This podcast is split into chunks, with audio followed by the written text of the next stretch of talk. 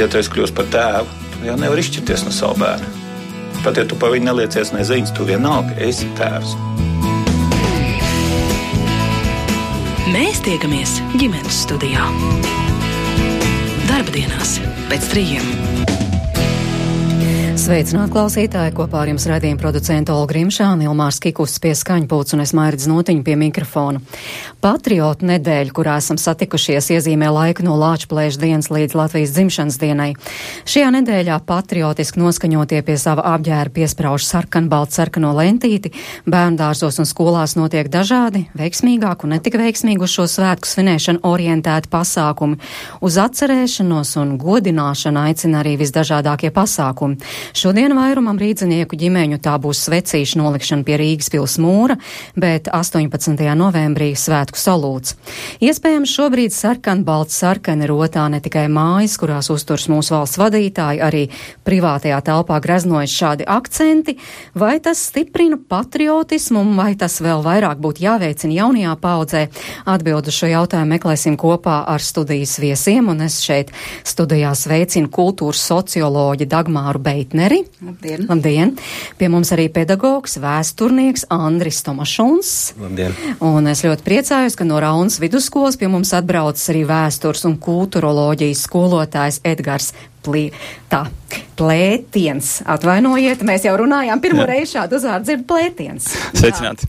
Edgars plētiens. Uh, kas jūsuprāt visiem viesiem uzreiz jautājums visvajadzīgākais, kas uh, šajos svētkos tā kā būtu jāizdzīvo, jāizjūt?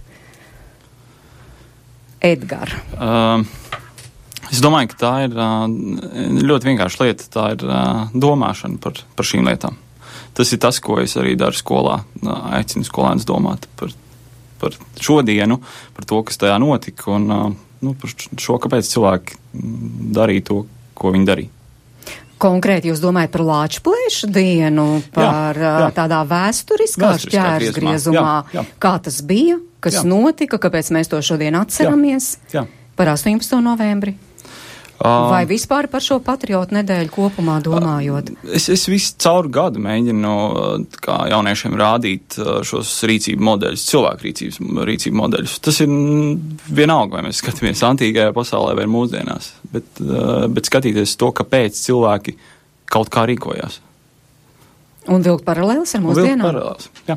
Jā, Dagmāra, bet es piekrītu. Es piekrītu Edgaram par to, ka tas ir domāšanas process, es viņu vēl saukt internalizēšanu.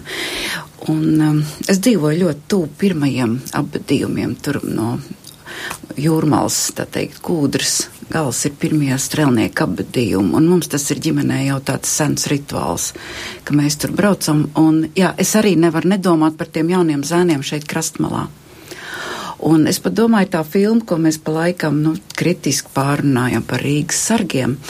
Bet man kā socioloģijai vienmēr tas liekas tik ļoti labi, jo vizuāli parāda, kā viena cilvēka varonība, ka viens nolēma, es to darīšu, un kā viņa iespējas maina pārējos šaubīgos, skeptiskos ciniķus, varbūt pat kā mēs varam nu, neredzamā veidā radīt šo iespēju. Tā filma to parāda.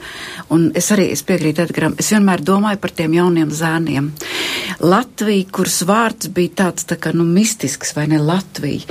Tas ir neiedomājami, viņi gāja faktiski nezinādām, kāda būs rezultāts, bet tas bija kaut kas tāds, ko sabiedrībā mums ir neredzama saskaņošanās, un tajā brīdī viņi visos, viņi viņi visos kaut kur atmirdzēja, un tie bija vīrieši, kas gāja arī. Bet, lai domātu, ir jāzina, kas tad īsti notika. Kas īsti notika, bet es domāju arī par tiem jauniem zēniem, ka viņos atmodās kaut kas no tās vēstures.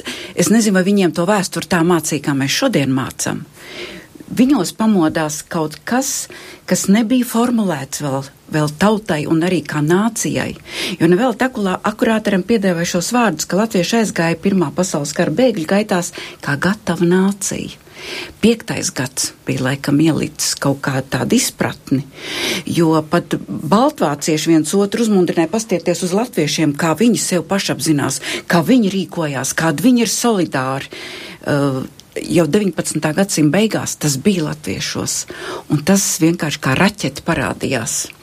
Jā, es domāju par to jauno paudzi. Viņiem tas varbūt ir tikpat jāzina, lai viņi tikpat kaismīgi to izjustu un runātu un domātu, kā jūs šodien te studijā. Es domāju, ka arī šo 25 gadu laikā mēs arvien intensīvāk pietuvojamies šim vēstures notikumam un arī kā pārdzīvojumam. Jo tā ir tā rituāla būtība, kāpēc mēs ejam likt to svecīt krastmalā vai brāļa kapos vai ejam apmeklēt tās krišanas vietas, kur mūsu strelnieki abadīt, ka mēs mēs viņu pārdzīvojam vēlreiz sevī.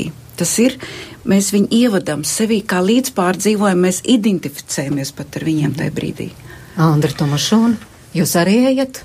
Bija. Piemēram, svecīti nolikt vai piedalāties? Jelgavā, līdz ar to Rīgas notikums es tā īpaši neapmeklēju. Mums ir uh, pietiekoši daudz piemiņas vietas turpat uz vietas Jelgavā. Piemēram, vakar bija jau kuro gadu Jālgavas cetā sākums skola aicina man piedalīties viņu pasākumā, ka viņi brauc uz Ložantēju kalnu un iet lāpu gājienā tur uz šo Ložantēju kalnu pieminekli un pa ceļam dzied un, un tur notiek šī saruna. Un līdz ar to tu redzi, ka šie bērni jau no mazām dienām vienkārši nemācās vēsturi, viņi ir daļa no tās, ja, Un tā es domāju, ka vēstures mācīšanas uh, lielākais panākums kāds var būt, ka cilvēks nevis zina vēsturi, bet sajūtās kā daļa no tās caur saviem senčiem, caur saviem vecākiem, caur skolotājiem, caur paziņām un arī svešiem cilvēkiem, kas nāk pie viņiem. Un es vienmēr uz šiem svētkiem skatos pirmām kārtām kā uz iespēju vēlreiz pabūt kopā ar saviem bērniem. Un tad mēs varam pastīties uz manu veco tēvu strelnieku formā un ir atkal saruna par ģimeni. Jo Latvijas valsts bez ģimenes, bez cilvēka individu ar savu attieksmi pret valsti, pret valstiskumu un tās aizsardzību, es domāju, ir pats svarīgākais. Mm. Bet atgriežoties pie tā, ko tā kā piedāvā, ko jūs vēl e, izdzīvojat Jālgavā šajā patriotu nedēļā, kur jūs sakāt, jā, es iešu piedalīšos, man tas ir būtiski. Nu, man varbūt tā kā skolotājiem ir varbūt īpaša situācija to, kad es tieku aicināts bieži vien uz jaunu cilvēku auditorijām stāstīt un rādīt to, ko es esmu pats uzzinājis vai sapratis par to laiku, un līdz ar to, gribot, negribot, šie jaunieši, šie bērni, skolnieki piespiež tādā labā nozīmē vēlreiz izdzīvot cauri, jo Mums ir ļoti daudz cilvēku, kas gribētu audzināt bērnus, bet uh, bieži vien viņus skolā nevar laist, jo viņi nemāk uzrunāt jauniešu. Un es domāju, ka šī varbūt mana spēja to darīt, uzrunāt, ir, ir vienmēr šīs svētku sastāvdaļa. Un es viņu sajūtu arī kā darba dienu, ja, kad, kad tev ir brīnišķīgi iespēja izdarīt to, ko varbūt citā gada dienā nesanāktu ja, izdarīt.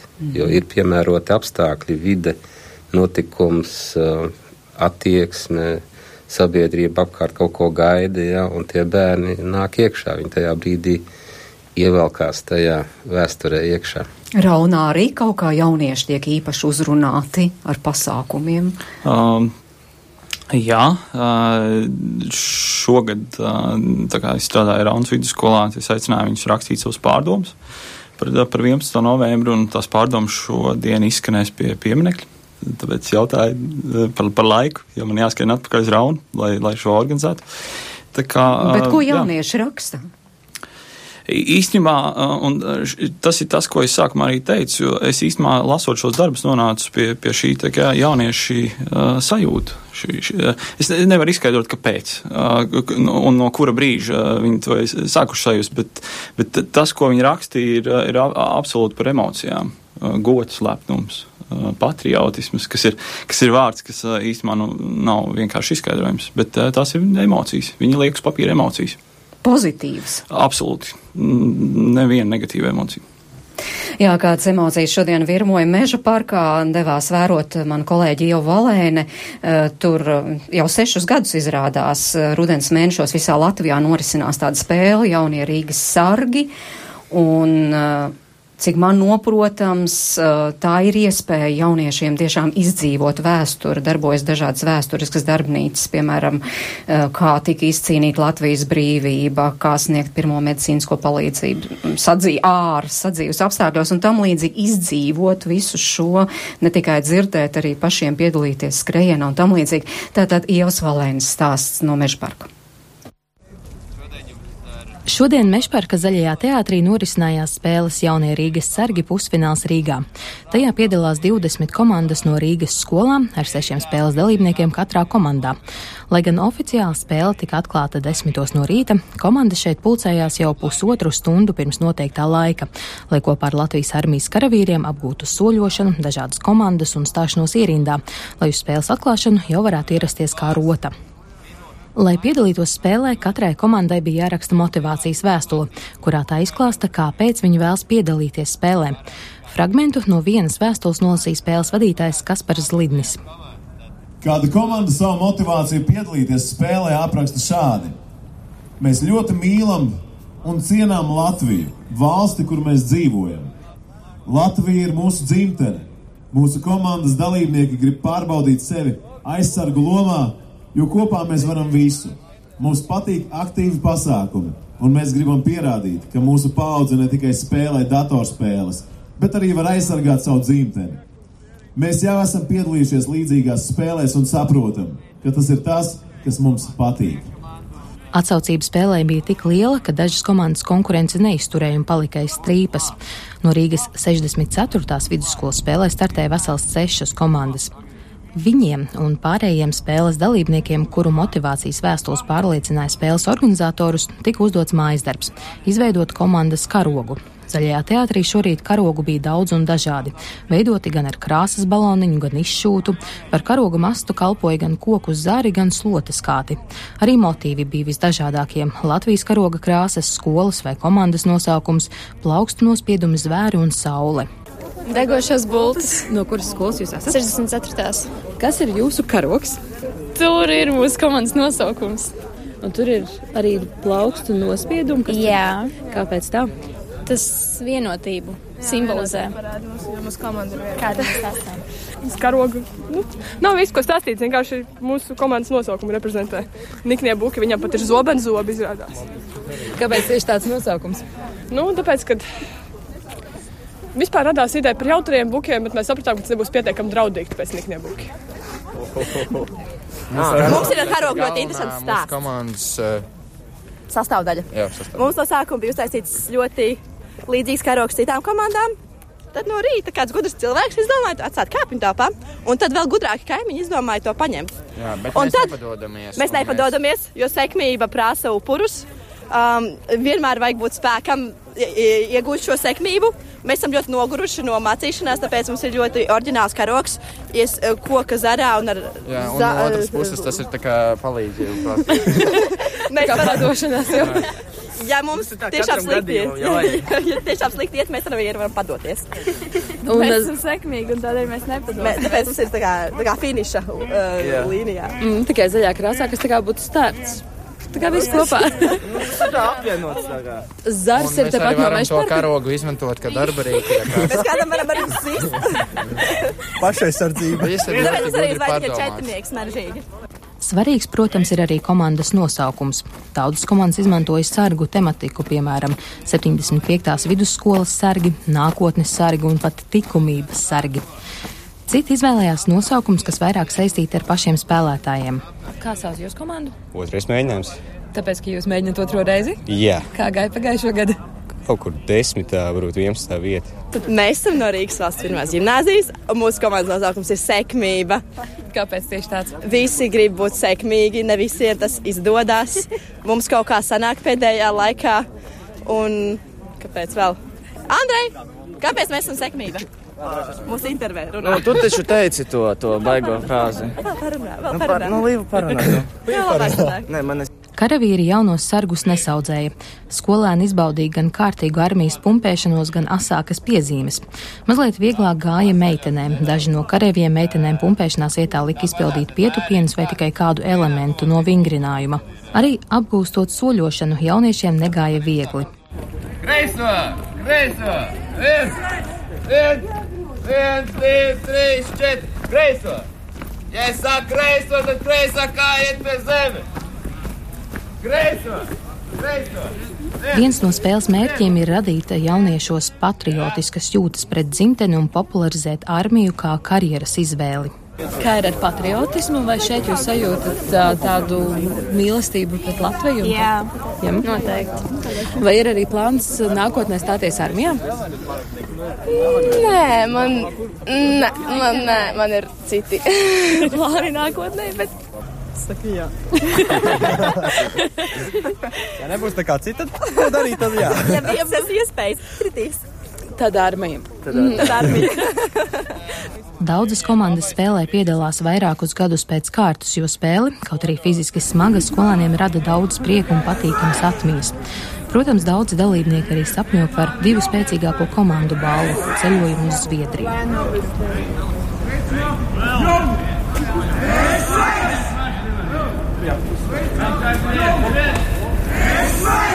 Kad skolēni bija apguvuši ierindas mācības pamatus, spēle varēja sākties. 120 skolēnu rota iemeršēja zaļā teātra laukumā un paceļot mastā Latvijas karogu, skolēni kopā ar karavīriem nodziedāja Latvijas himnu.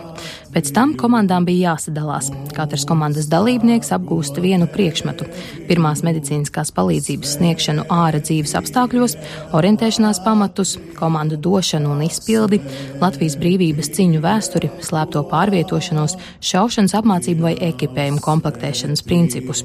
Pirmo dienas daļu skolēni pavada nodarbībās, bet otrajā daļā viņi izmanto jauniekūtās zināšanas un dodas misijā. Iepa Valēni, speciāli Latvijas radio. Latviju ak svētī el to.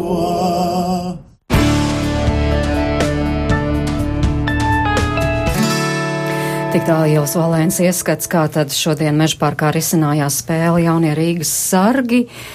Atgādinājums mūsu klausītājiem, tātad pie mums ciemos ir kultūras socioloģija Dagmāra Beitnere, pedagogs vēsturnieks Andris Tomašūns un Rauns vidusskolas vēstures un kulturoloģijas skolotājs Edgars Plētiens, un jūs arī varat iesaistīties uh, Latvijas Rādio 1, mūsu mājaslapi jāatver ģimenes studija pašreiz skan un saruna par patriotismu, bet mēs te dzirdējām, nu, tas tāds mūsdienīgs patriotisma veicināšanas uh, uh, veids šāda spēle. Vai varbūt kaut kas no aizgājušiem laikiem tie ieskanējās ierīnas mācību un tādas lietas. Jā, es gribētu teikt, ka man tas atgādināja padomu laiks, kā mums arī bija padomu patriotiska audzināšana ar militāro apmācību, ka tā bija kaut kāda sadaļa. Bet es domāju, ka šajā situācijā, kādā Latvija ir un pasauli un Eiropa, ka mums ir arī militāra apmācība jāpatur mūsu redzeslokā. Bet par patriotismu audzināšanu es gribētu norādīt, ka tas ir kaut kas mūsos ļoti iracionāls.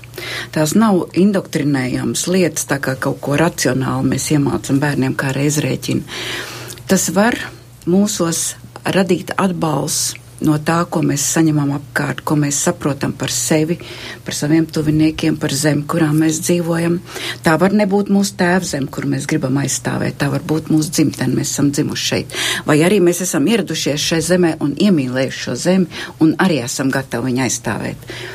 Tas ir kaut kas ļoti iracionāls cilvēkā, un kad tas nostrādā, tas ļoti individuāli notiek. Bet es gribētu teikt, ka mūsos kā cilvēkos izglītības sistēma trenē mūsu racionālo daļu. Bet profesors Milts mums vienmēr mācīja, ka pilns cilvēks ir, ja attīst, viņa arī emocionāla inteliģence, viņa iracionālo daļu. Un to katrā priekšmetā, man liekas, pat matemātikā var, var, var parādīt stāju, ja pedagogi ir tā kā Jāņa Grestas laikos, vai ne, ka tā bija tāda pedagoģija, ka, kas aizrāva mūsu dzīves stāstos cilvēki ar asarām atcerās tos skolotājus no rīta, eh, skolā ir līnija un dzied himnu. Un, un tas paliek visu mūžu cilvēkiem prātā, kā gatavoja, teiksim, un nenosargāja to Latviju 40. gadā, jo mums jau ir šodien klāt ir tāda pieredze, ka mums ir jābūt gataviem un tik gudriem redzēt viltīgas soļus attiecībā pret mūsu valsti. Mm -hmm. Jā, jūs sakāt tā iracionālā daļa. Šajā patriotismu nedēļā, kā mēs dzirdam, tā tiek visādos veidos trenēta. Skolās ir um, bezgal daudz uh, pasākumu, kurus piedāvā gan pašvaldības, gan, gan, gan visi pārējie, bet bet šī ikdiena tālāk jau ir atkal patriotu nedēļa paiet, un tad liekas tas vienīgais, caur kuru šī sajūta tiek trenēta vai uzturēta, ir vēstures mācīšana, bet jūs sakāt, tā nav. Nē, es domāju, ka tā, šī tēma mums ir jābūt ne tikai patriotu ne, nedēļā, ne tikai novembrī. Par šo jautājumu mums vajadzētu visu laiku būt nomodā un skatīties, jo ne, ja bērns ikdienā no vecākiem dzird noniecinošas uh, references un, un, un atbalsts par, par valdību, par Latvijas valsti, Protams, ir gadījumi, ka bērns ieņem pretēju pozīciju, viņa skola ir pārliecinājusi, viņa draugi ir pārliecinājusi, bet mums jāredz, ka tas sākās ģimenē un bērni nepastarpināt uzņem šo attieksmi pret valsti, kā mēs viņu redzam. Mm -hmm. Jā, Edgaram, kā jaunam skolotājam, jājautā. Jūs arī tā redzat, ka tā ir arī liela skolas daļa, šī iracionālā daļa, trenēt arī patriotismu, piemēram, šīs patriotismu jūtas, kas nemaz nav tik viegli izskaidrojams. Uh, Jā, noteikti. Skolai ir liela, liela nozīme tieši tāpēc, ka ģimenei. Tas, kas ir tā izskanēja, un, un tas, kas notiek patriotismā nedēļā, un tam, kam būtu jānotiek arī visā pārējā laikā, ir, ir, ir būtībā bērnos jārada, jauniešos jārada pieredze lai, lai, lai viņi var, var šo, šo laiku sajust un, un izdzīvot. Un te, te, te ir stāsts vairāk par to, kāpēc cilvēki, un tas kā es skatos vēstures mācīšanu, kāpēc cilvēki rīkojās tā, kā viņi rīkojās, un, un dodot jauniešiem pētīt, viņi dabū to pieredzi, ka, kāpēc, kā, kādi ir tie rīcības modeļi, kā, kā mēs varam rīkoties. Tas... Nu, tas ir caur vēsturi, bet Jā. minēji, tas varētu būt plašāk, vai tas notiek arī plašāk, arī kaut vai kā Dagnar Beitner teica, caur matemātikas stundām vai, nezinu, kādā citā veidā. Mm, tas jājautā droši vien maniem kolēģiem, vai, vai viņi to dara. Bet, uh, bet kā jūs to redzētu? Kāds varētu būt? Mm, es, es, mhm, es, es, Andris Tomašuns. Es domāju, ka nevar skolotāju tā nodalīt nos no visas sabiedrības un teikt, ka viņš tikai skolotājs. Viņš mājās aiziet, viņš ir teicis māmu saviem bērniem, kur iet tajā pašā skolā un mācās arī vēsturi. Ja? Es domāju, ka šeit svarīgi varbūt uh, nu, tā individa, tā katra cilvēka uzvedība, ja, jo skola jau var darīt ko, vai nu pāraudzināt, atnākuši jau gatavu produktu, kā saka, no ģimenes, vai arī uh, stimulēt, attīstīt to, kas viņā labs iekšā jau ir. Ja. Un es uh, vismaz savos pēdējos pedagoģa prakses gados par atteicos no no trenēšanas, no, no, no audzināšanas tādā nozīmē, kā varbūt dažkārt sabiedrība to saprot un šodien pieprasa, lai obligāti to darītu ar likumiem. Ja. Es domāju, ka skolotājs var tikai vai nu veicināt, vai kavēt kaut ko, ja, bet viņš nevar nevienu ne pāraudzināt, ne izaudzināt. Cilvēks ir tomēr personība, kas, mm -hmm. kas arī pats attīstās, veidojās, un to var tikai viņam palīdzēt vai traucēt. Bet kā var, nu kā var veicināt, piemēram, kā jūs redzat mūsdienu skolā, mūsdienu jaunieši? Es domāju, attiecīgi ir metodika, kā, kā es strādāju, ja, vai, vai es tā ieklausījos pirmie padomu laikiem, un šodien es tā neteiktu, ka var salīdzināt šos Rīgas sargu spēli ar padomu laiku. Es, Atceros, kā mana klase ierindas skatē, kur obligāti militārā mācība bija sarunāja, lai nedabūtu pirmo vietu, jo te būs jāiet uz pilsētas skatu tālāk. Bet, un, un tas bija padomu laikos, ja tāds savu veidu protests pret to sistēmu, ka es negribu piedalīties viņā. Ja. Tagad tie bērni, redziet, kāds konkurss un visi netiek uz šādu spēli. Un tikko tev kaut kas nav obligāti, tā, tas ir vairāk piesaistošs un vilinošāks nekā kaut kas, kas ir obligāts. Un tikko patriotismu uzliek kā tādu obligātu darbošanos vai piedalīšanos, nu tad es varu sākt tēlot. Ja? Es esmu redzējis Latvijas valsts ienaidniekus, kas zina vēsturi Latvijas labāk nekā mūsu saimnes priekšsēdētāji varbūt, ja? bet viņi ir ienaidnieki. Viņi izliekās, ja? viņi, viņi, viņi arī var notēlot patrioti, ja? bet viņi tāda īstenībā nav. Un tāpēc attiecībā uz bērniem vienmēr mans pieņēmums tāds ir viņš ir patriots. Es, es par to nešaubos vispār. Tikai Jebkurš? jautājums, vai viņš to darīs kā spēlējoties, mm. vai viņš to darīs uh, izrādoties uh, kādam, vai tas būs tā kā barikāžu laikā, kad es atceros 91. gadu, ka šeit pie radio nama atnāca skolnieki, kas Latvijas nerunāja, ja, bet teica, kur ir mana vieta, kur es varu uzcelt savu barikādu, jo es esmu par Latvijas valsts neatkarību. Ja. Tā kā nevajag skatīties tām āršķībām. Vienmēr vajag pieņemt, tas cilvēks ir labs un ka viņš ir patriots. Un viņš ir patriots ne tikai 11. novembrī vai 18. novembrī, bet viņš ir visu gadu, visu dzīvi. Patriots, kam vajadzētu būt mūžam, nevis svētku dienai. Mm. Jā, bet jūs teicāt, vajadzētu. Bet tā arī ir īstenībā. Jā. Mēs tikai mm. bieži vien meklējam tās ārējās fiksējumās parādības. Jā, Dagmar, Beitner. Varbūt. Es vienreiz šeit radio teicu, ka Latvijas valstī ir bīstam, ka mums ir tik daudz nelojāli cilvēki arī Latvijas valstī un to neslēpj. Uz ko es saņēmu vienu ļoti niknu vēstuli, jo mans teiktais bija Krievu avīzē laikam drukāts vai portālā, un vīrietis man Krievu valoda uzrakstīja, ka ir ļoti grūti būt patriotam tādā valstī, kur izturās tā un tā un ienākumu maz. Un es šim cilvēkam neatbildēju, jo es domāju, es laikam nevarēšu viņu pārliecināt diskusijā, bet šodien es gribētu teikt, ka mūsu patriotisms nav mērāms ar mūsu lielo augu, ar mūsu valdības apmēru vai kaut ko tādu. Ka piederība mana, mana izjūta par to, kas ir mana vieta zem šīs saules.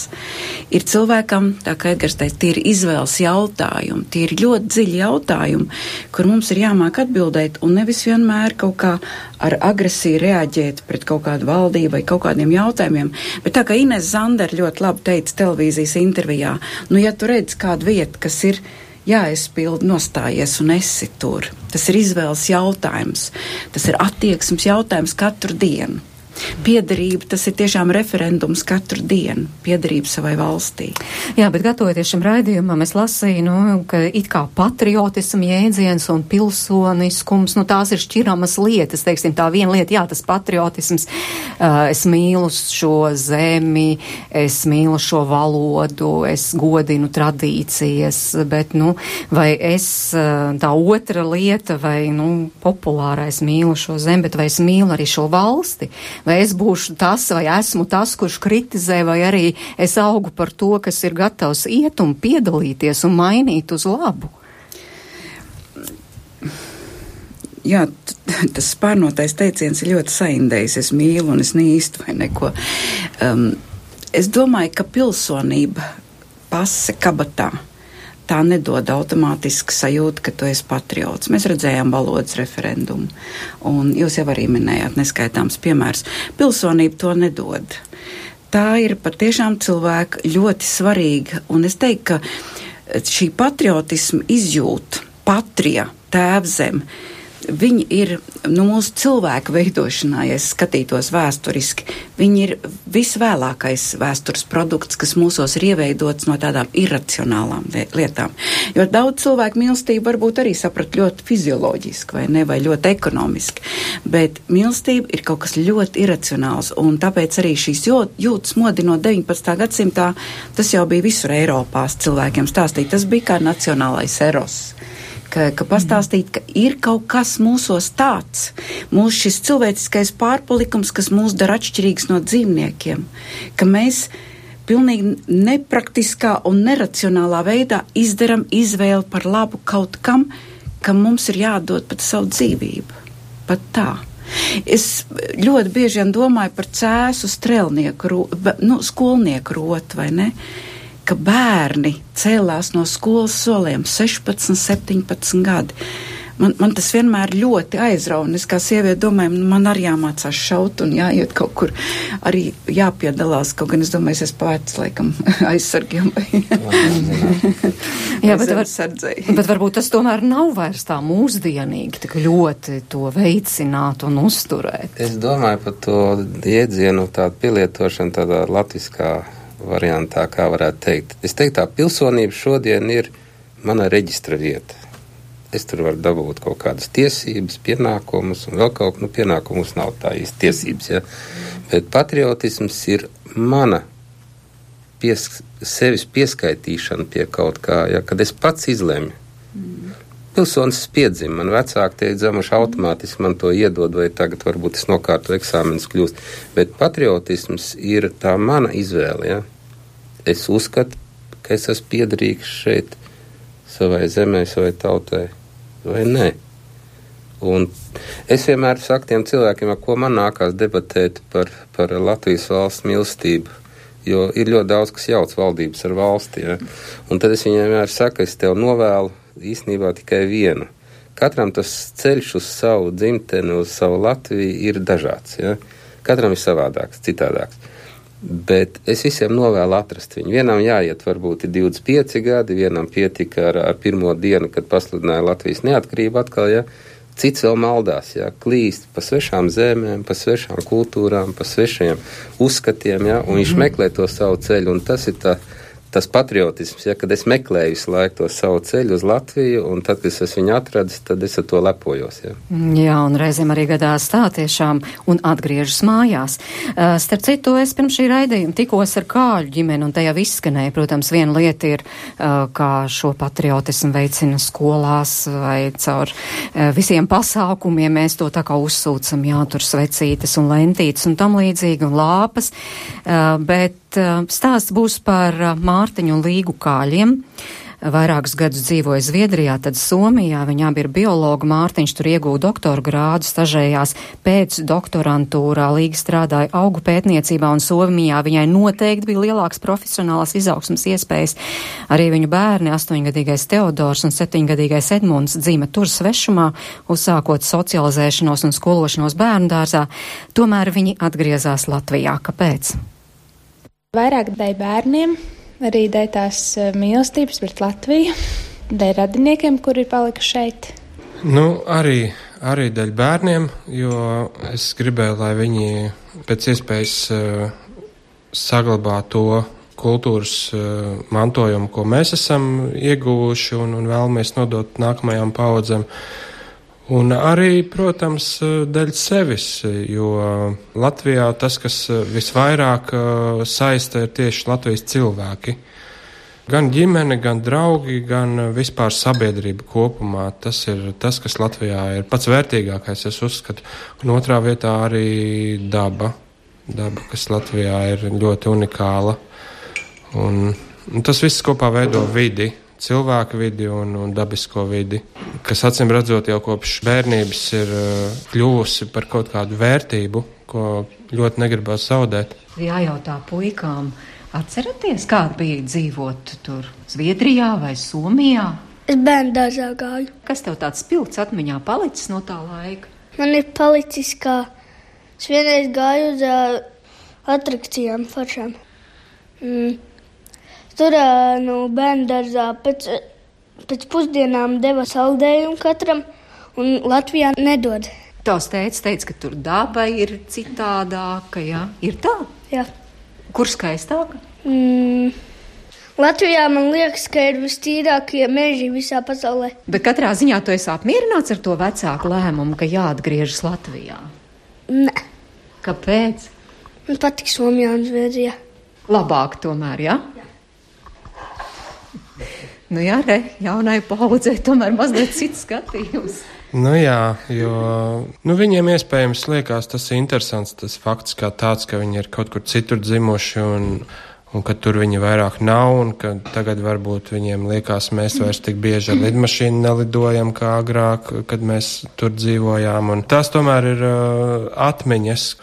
Atmiņās mēs vienmēr izfiltrējam visu labāko un to, kas varbūt tik labi nav paticis, tas tā kā piemirstās. Kā Latvija jūs sagaidīja? Uh, Latvija ļoti labi sagaidīja. Es uh, piecas dienas pēc atgriešanās Latvijā atradu jaunu darbu, ko es pat nebiju plānojis īpaši meklēt sākumā.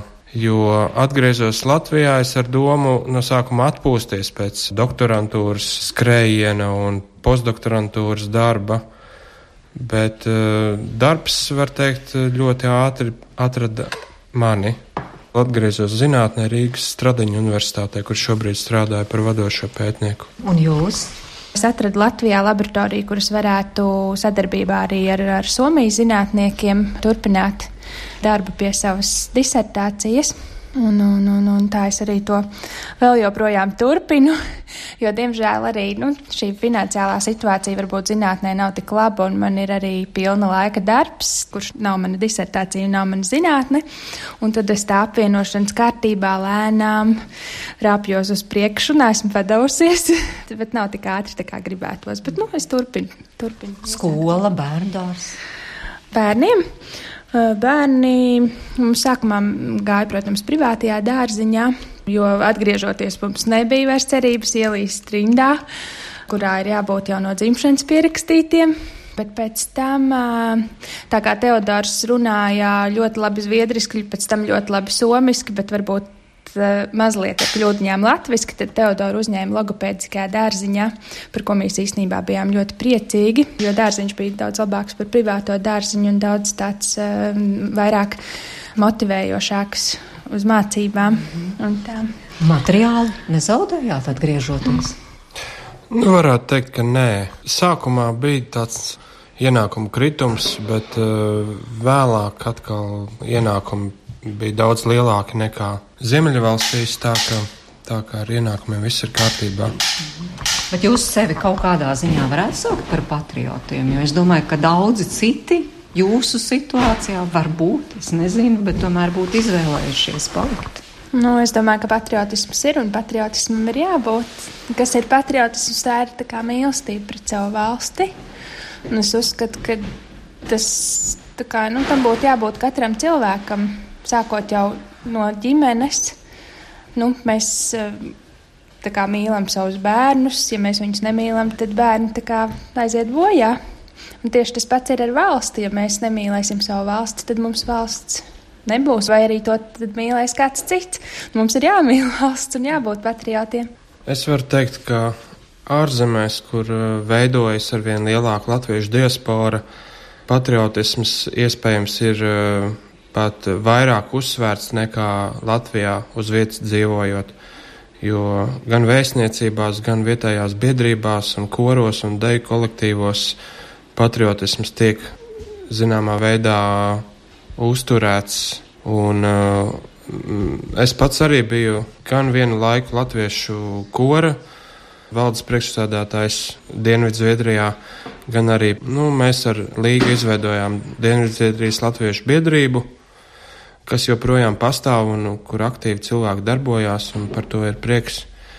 Tātad uh, mēs redzējām dzīvē, ka tiem latviešiem, kas ir aizbraukuši no Latvijas, tas patriotismu jūtas uh, ir palikušas un tā kā atdzīvojušās, un viņiem tas dzimtenes uh, iztrūkums ir kaut kā jākompensē. Un, Tas tiek darīts. Jā, bet es domāju nu, par jūsu bērniem. Mēs dzirdējām, jūsu dēls vecākais teica, ka varbūt tur tomēr labāk. Es tā domāju, vai jūs šeit atgriežoties kaut kā īpaši bērniem, saviem bērniem tagad veicinat to Latvijas mīlēšanu?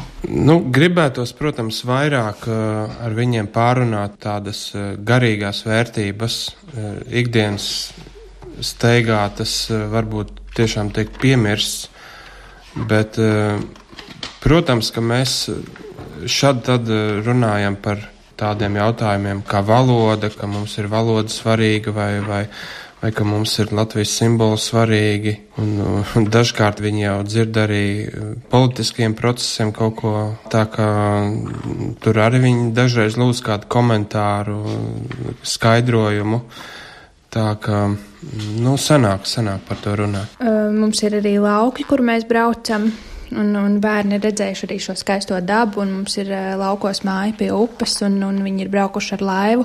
Viņiem, manuprāt, visas tomēr tās skaistākās atmiņas ar laiku saistīsies tieši ar šo zemi. Un tas tā ir dabiski. Mēs arī negribam bērniem neko uzspiest, varbūt. Ja viņi kādu dienu izdomās, kad viņi grib redzēt, kā ir Zviedrijā padzīvot, tad viņiem būs atvērts ceļš uz turieni. Un tā kā sprīdīšiem varbūt atgriezīsies mājās, visticamāk. Un, eh, man, man liekas, ka šobrīd jau tā globalizācija ir tāda, ka uh, nevar jau nevienu noturēt šeit.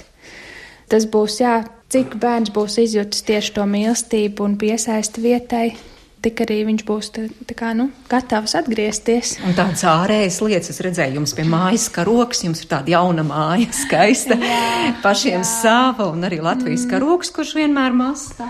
Karoks, tas bija nu, īstenībā, jā, to mēs uzreiz zinājām. Mēs pat nezinājām īsti vēl kāda būs māja, bet mēs zinājām, ka tur būs tas karoks, un viņš arī īstenībā mums ļoti iepriecina katru rītu. Un it kā tīri simboliski tā vērtība, bet jā, to var tā sajust, kad mēs eh, esam. Latvijā. Beidzot, un mēs arī viņu uzkārām tādā vietā. Šeit ir diezgan atklāta vieta īstenībā, un mēs gribējām parādīt, jā, ka tā esam mēs, un mēs esam latvieši. Un tas tāds lepnums, bet tas ir tāds, manuprāt, tāds labs lepnums.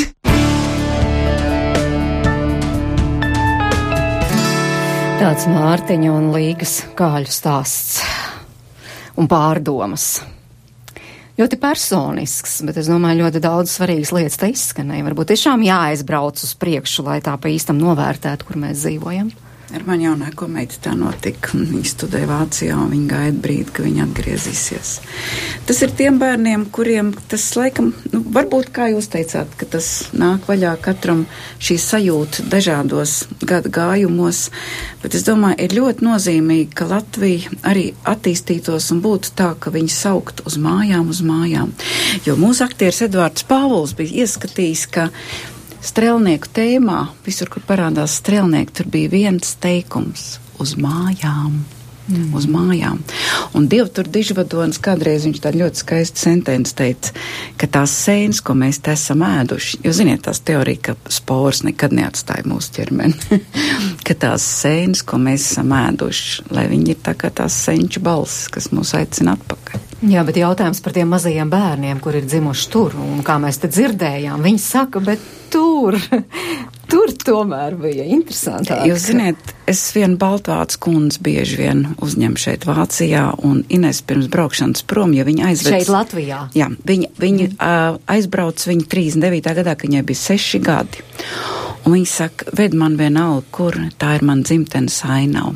Varbūt šie bērni mazliet pavēlu atgriezušies Latvijā, ka viņa, dzimt, viņa dzimtene būs cita ainava, bet Zviedrijas un Somijas ainava ir ļoti tuva. Jo tā vide, mūs, tas, ko mēs saglabājam, ko mēs ie, ievadam sevī, tā apkārtne, viņi, viņi paliek mūsos un, un viņi veido ilgas pēc tā.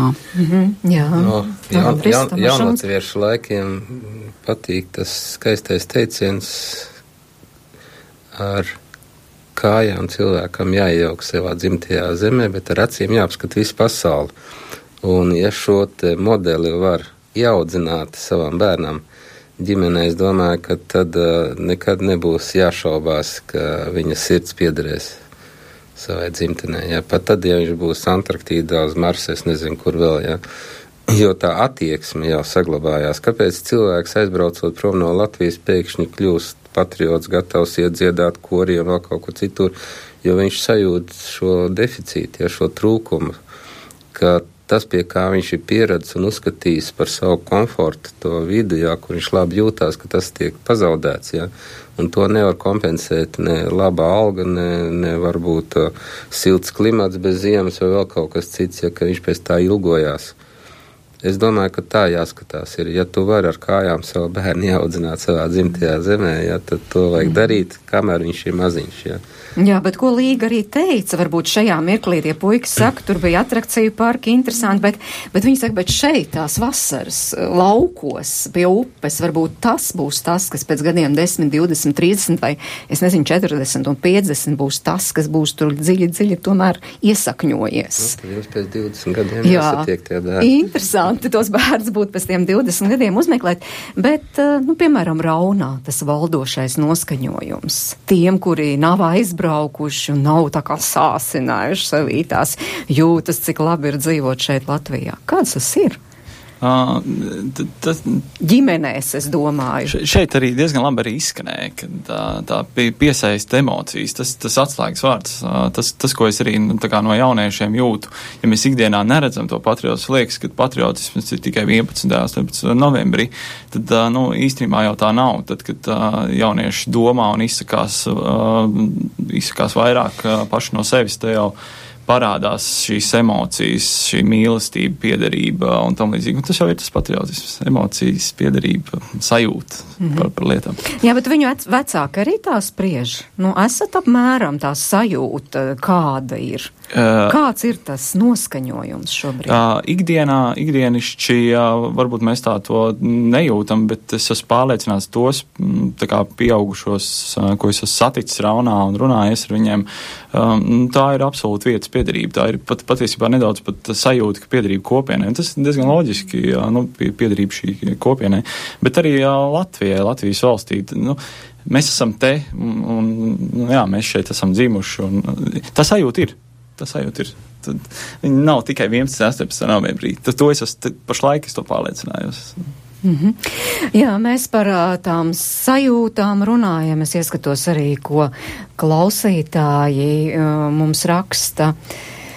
Jā, nu te piemēram mums raksta, manuprāt, no sākuma bērniem ir jāzina, ko nozīmē, kāpēc un kad svin konkrētu svētkus 11. un 18. novembrī, jo, nu, dažām labām tā tiešām ir kārtējā brīvā diena vai diena, kad apēst kādu kūkas gabalu, nu, kad tiešām ir jāsāk ar mazām lietām, lai rastos patriotisms, un tad var runāt par apzinātu patriotismu darbībām.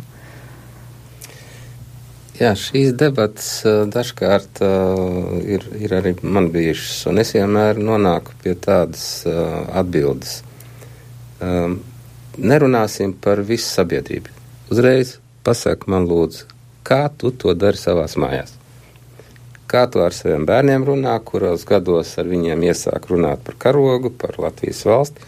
Un, ja šis cilvēks var man izstāstīt, ko viņš dara mājās, tad viss ir kārtībā. Bet, ja viņš zina tikai, kas citiem ir slikti, mm nu, tad tur nav kur. Nu, jā, te arī atkal par citiem, jā. Jā, lab, vai labāk, patriots... ja cilvēki raksta par sevi, ja šodien. Jā, jā, vai... Jo tauta sastāv no individiem, un Latvijas valsts būs laba tad, kad katrs cilvēks būs labs. Nu, jā, te piemēram, jā, vai patriots ir tas, kurš aizbrauc strādāt uz īriju, piemēram, mīl, bezgal mīl savu valsti, bet tik un tā Latvijas ekonomikā negrib ieguldīt neko. Sakiet, lūdzu, vai tur ir kāds uzraksts, ka patriotisms ir, ir pēdējā patvērums neliešiem vai kaut kas tāds? Nē, tas nav. ir ļoti bieži šādi ciniski vēl, ja jūs mēģināsiet par šo tēmu runāt, jūs noteikti saņemsiet kādu tādu repliku. Mm -hmm. Jā, starp citu, Ilze Atardo, viņas uzvārds ir bijušais Dubere un Dagner Beitner, jūs esat bijusi viņas pasniedzēja, un viņa arī raksta, viņa pirmkārt atceras jūs kā ļoti labi pasniedzēja, sūta sveiciens, un, un viņa saka, jā, viņa ir pārliecinājusies, daudz latviešu kļūst patriotiski, kad paši no Latvijas aizbraukuši.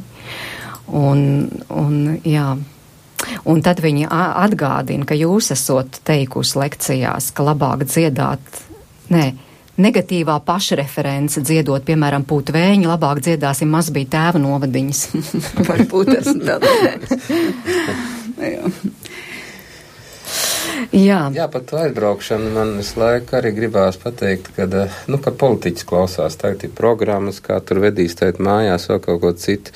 Man liekas, ka pasaule ir tik maziņa palikusi jau, ka varbūt vajag mainīt saukļus un, un teikt, nežēloties, ka brauc kāds projām, bet teikt, paldies Dievam, ka pilna pasaule ir ar latviešiem, jo tā ir latviešiem piedara visa pasaule, nevis mazais tēva novadiņš. Ja.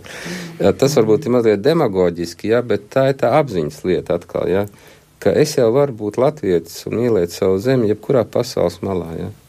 Es drīkstu privāti. Mans vīrs, viņš saka, ka viņš nekad nedomāja par to, cik svarīgi viņam ir, ir franču, teiksim, šī nacionālā izjūta, iekams viņš nesāk dzīvot Latvijā, ka viņam ir tik ļoti svarīgi un, un viņš izjūt pieķeršanos, viņam ļoti patīk Latvija.